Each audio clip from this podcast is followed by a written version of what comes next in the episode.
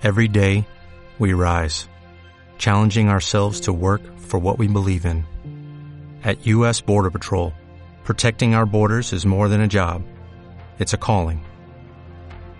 Agents answer the call, working together to keep our country and communities safe. If you're ready for a new mission, join U.S. Border Patrol and go beyond. Learn more at cbp.gov/careers. A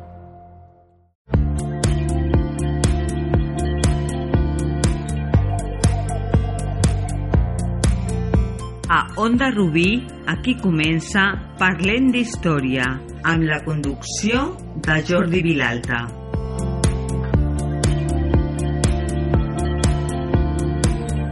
Continuem amb el següent audi d'àudio dedicat a la, a la història de Rubí, aquest resum d'història de Rubí que estem fent a, eh, en diversos episodis. Avui parlarem una mica de Rubí en els segles XVI, XVII i XVIII, que es corresponen amb el que tradicionalment s'anomena etapa moderna, història moderna.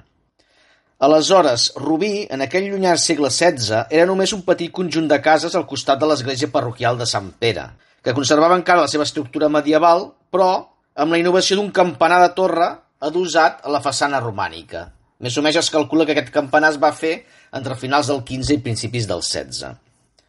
El govern municipal universitat, ja vam dir que el règim feudal va caure a Rubí cap a finals del XIV, doncs es va establir un govern municipal, o universitat, que és com es deia aquella època.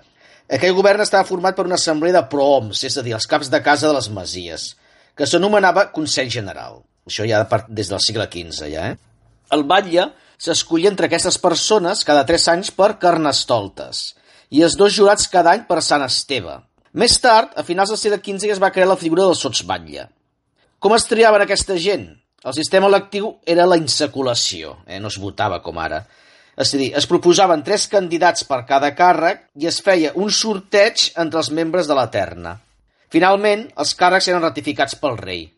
El 1582 es va crear la figura del Mustasaf, que inspeccionava els pesos i mesures i tenia cura de vetllar per la qualitat dels productes.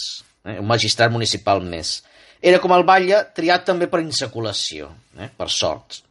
El Consell es reunia al costat de l'església de Sant Pere o a l'interior en cas de mal temps. Ja ho havíem dit parlant de l'època medieval en el passat podcast. I es convocava per crida o tocs de campana. A més de decidir sobre aspectes importants de la comunitat, el Consell tenia facultats judicials, eh? que cal tenir en compte que l'antic règim no havia separació de poders, el qui manava també jutjava. Fins i tot havia una presó a l'actual carrer de Terrassa que va estar en funcionament fins al segle XIX i al museu encara tenim les reixes del segle XIX d'aquella presó. Depenents d'aquest govern municipal i situats físicament al voltant de la plaça de l'Església, que es creà el 22 de juny de 1516, eh, on feien també el mercat, hi havia els diferents serveis. Hi havia un ferrer, una carnisseria, que estava arrendada pel Consell Municipal amb una sèrie d'obligacions que tenien que tenir, la botiga del blat, que era un dipòsit de gra, i més tard, a finals del segle XVI, ja van aparèixer la taverna, l'hostal i la fleca, tots també arrendats pel Consell, i també l'establiment de la fira que es feia dues vegades a l'any. Els impostos es cobraven en un cub prefixat d'acord amb les possessions de cada família, de manera que qui més tenia, més contribuïa al bé comú. A part, també estaven els ingressos procedents dels serveis arrendats a la Sagrera, com la carnisseria, el forn, tot el que treien d'aquests arrendaments. Hi havia molt poca gent a Rubí i, a més, la població va créixer molt poc al llarg del segle XVI. A 1515, Rubí tenia només uns 150 habitants. A 1553 es calcula més o menys 153 ànimes els que hi havia al terme de Rubí. Cap als anys 60 i 70 del segle XVI es va produir una immigració d'occitans, és a dir, gent del sud de França, que va fer que el nombre de persones incrementés. Als camps dels voltants d'aquest petit nucli de Rubí s'ubicaven les diferents masies, que s'havien engredit després de la desaparició del règim feudal. Eh? Es situaven les masies enmig de clarianes envoltades de bosc i aquí cultivaven cereals i a part també hi havia horts, arbres fruiters i molins fariners que venien ja d'època medieval al costat de la riera. Eh? Festivitats d'aquella època totes estaven vinculades al món religiós. Podem esmentar les ballades de sardanes a la plaça de l'Església, els diversos aplets com el de Sant Genís, la plec del Roser, la plec de Sant Mus, que la referència documental més antiga d'una sardana Rubí és de 1587. També hi havia el romiatge a Montserrat, les diferents celebracions de Sant Isidre, que era el patró dels pagesos, la de Sant Roc i, com no, doncs, la de Sant Pere, que és el patró de Rubí. Pel que fa a l'aspecte també religiós, el més destacat seria l'establiment de la confraria del Roser a l'any 1571, que va ser l'any de la batalla de Lepant contra els turcs. Es va edificar, aquesta confraria va, va fer edificar una capella a l'església de Sant Pere, que va començar a fer-se a 1577, i també es va fer un retaule datat el 1585.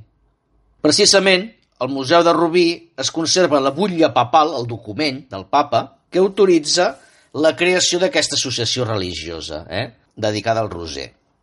Eh, llavors, hem de parlar una mica també, ja que balla entre els segles eh, i XVII, de la peça artística més important, una de les més importants de la, de la història de Rubí, i que fins fa uns segles, es, fins al segle XIX, es conservava a l'església sencera. Ens referim al retaule barroc de Sant Pere de Rubí.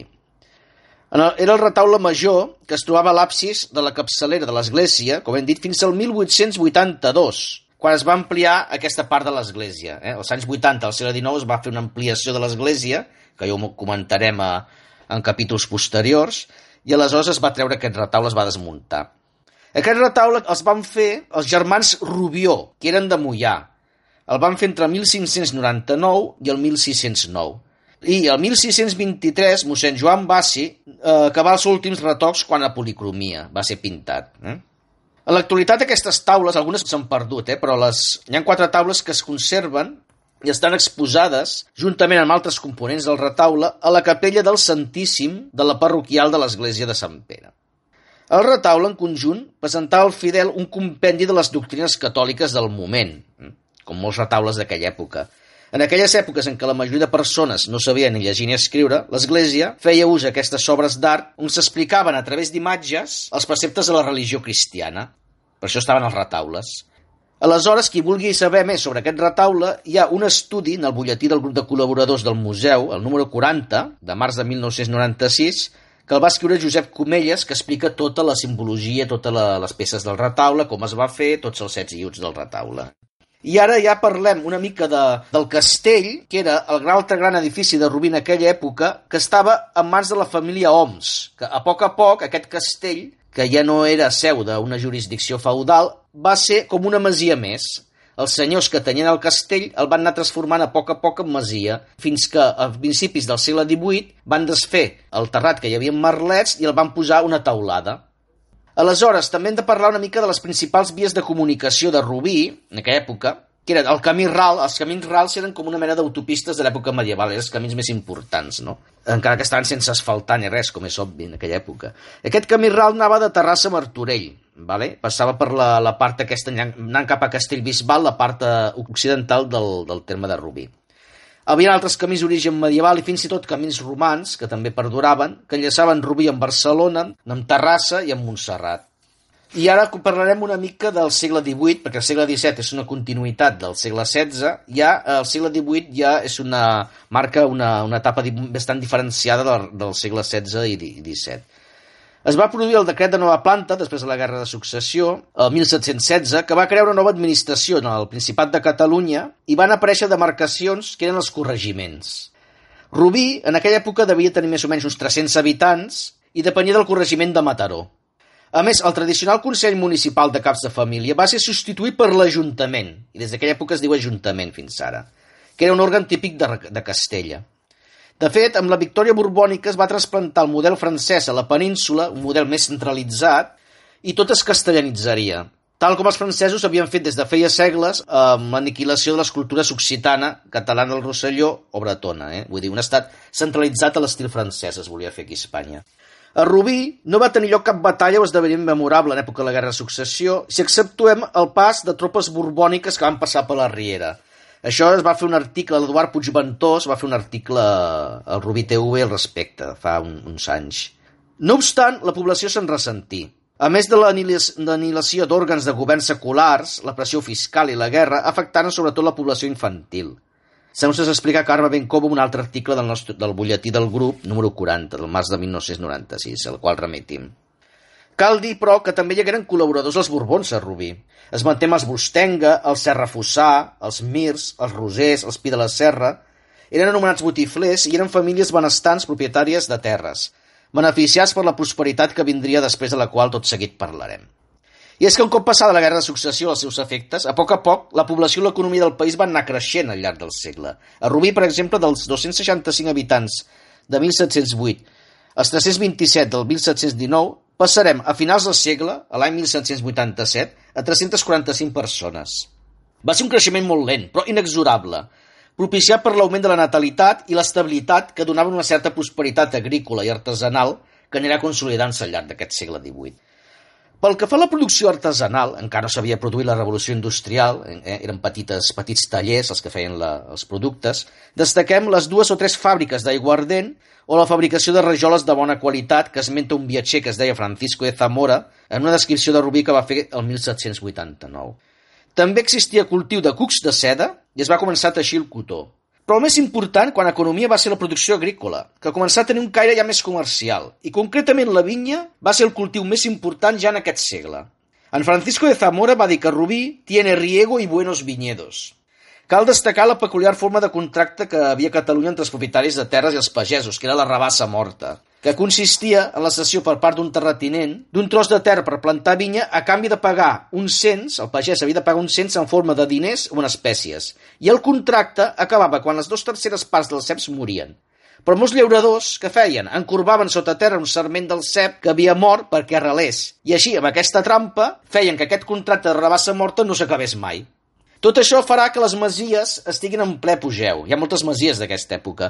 En algunes es fan grans reformes, com Can Oriol, per exemple. Eh? El segle XVIII va tenir una gran reforma, Can Oriol, i moltes masies més. El creixement de la població també es va fer patent en el cas Corbà de Rubí, que lentament va augmentant de superfície habitada. Va creixent el cas Corbà de Rubí a poc a poc. Molts camins esdevenen carrers. Mm, antics camins ja són carrers. Hi ha el de Sant Joan, el carrer de Sant Pere, apareixen aquests carrers, i s'edifiquen noves cases.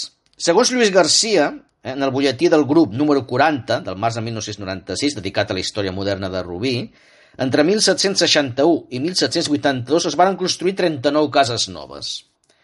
Conservem també del segle XVIII mostres de patrimoni arquitectònic a Rubí. El castell, que hem parlat abans, del segle XVI, que era ja una casa de pagès benestant, com hem dit, s'escapçant els merlets i estaperant a la, part, a la paret oest per tant d'instal·lar una taulada.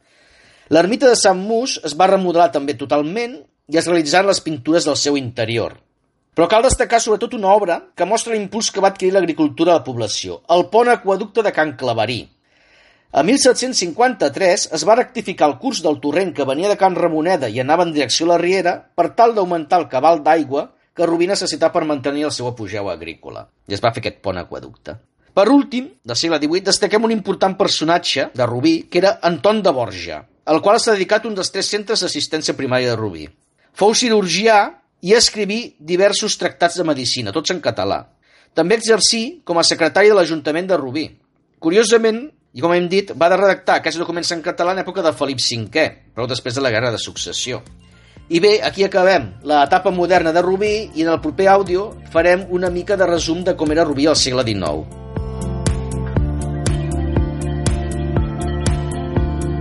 Parlem d'Història, un altre podcast de ondarubí.com.